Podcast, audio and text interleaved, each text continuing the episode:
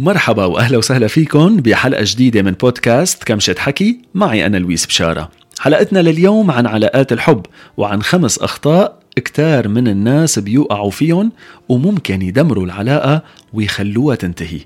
قبل ما نبلش بدي أتمنى منكم تعملوا subscribe للبودكاست وتتركوا لنا review. وأكيد بتشرف فيكم على مواقع التواصل الاجتماعي يوتيوب تيك توك إنستغرام وكلاب هاوس. بهالحياة بتربطنا العلاقات بأنواعها بكتير من الناس من علاقات الزمالة لعلاقات اجتماعية علاقات الصداقة وصولا لعلاقات الحب اللي هي الأجمل والأقرب والأكثر حميمية.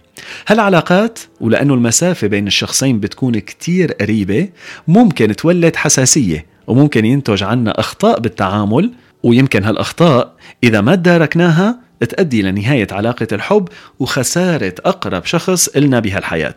فن التعامل مع الآخرين بحاجة لكتير من سنوات الخبرة وإنه نتعلم من أخطاء الماضي وما نكرر هالأخطاء.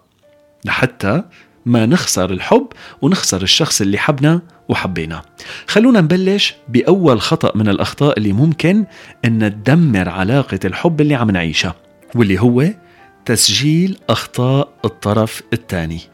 من أسوأ الأمور اللي ممكن نعملها بأي علاقة حب هي أنه نسجل هفوات وأخطاء أو زلات الطرف الثاني ومنصير بكل مرة بتسمح لنا الفرصة نذكره فيها.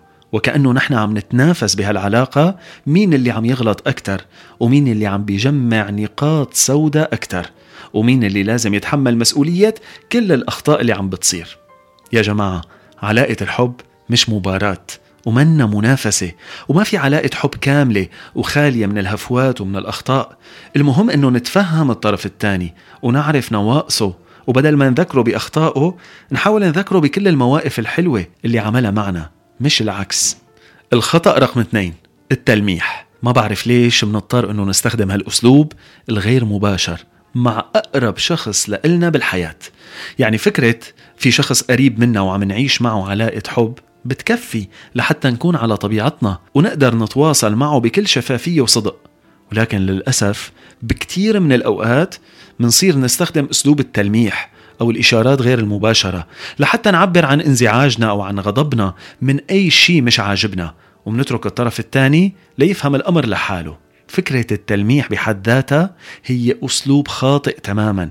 هي دليل أنه العلاقة فيها كتير من التمثيل وكتير من عدم الراحة بالتعامل وغياب الوضوح وغياب الصدق.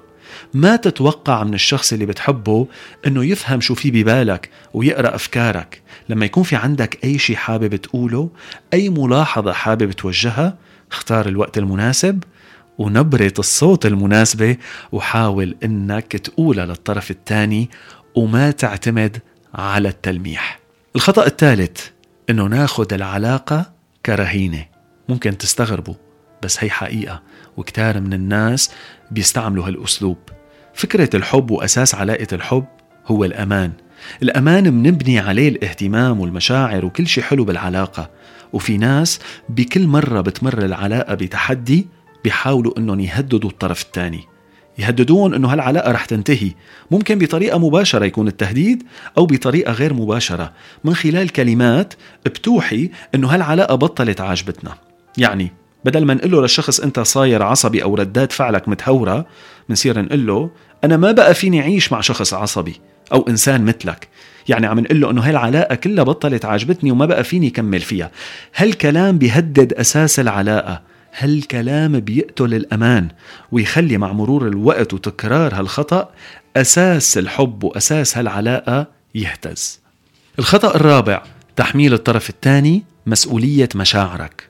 مش كل أيامك رح تكون حلوة وسهلة، الحياة مثل ما بنعرف فيها كتير من الضغوطات والتحديات. صح إنه شريك حياتك هو الإنسان اللي لازم يوقف جنبك ويساندك، بس هالشي ما بيعني ابدا إنك تحمله مسؤولية كل المشاعر الصعبة اللي عم تمرق فيهم أو تطلب منه دايما يقدم لك الدعم ويكون متاح لإلك بأي لحظة. كمان شريك حياتك عنده مشاعره عنده ضغوطات الحياة اللي ما دايما سهلة عليه. لهيك ما تلوم شريك حياتك. إنه مانو متعاطف أو مانو متفهم وما تكون أناني وما تكون اتكالي بشكل كامل عليه.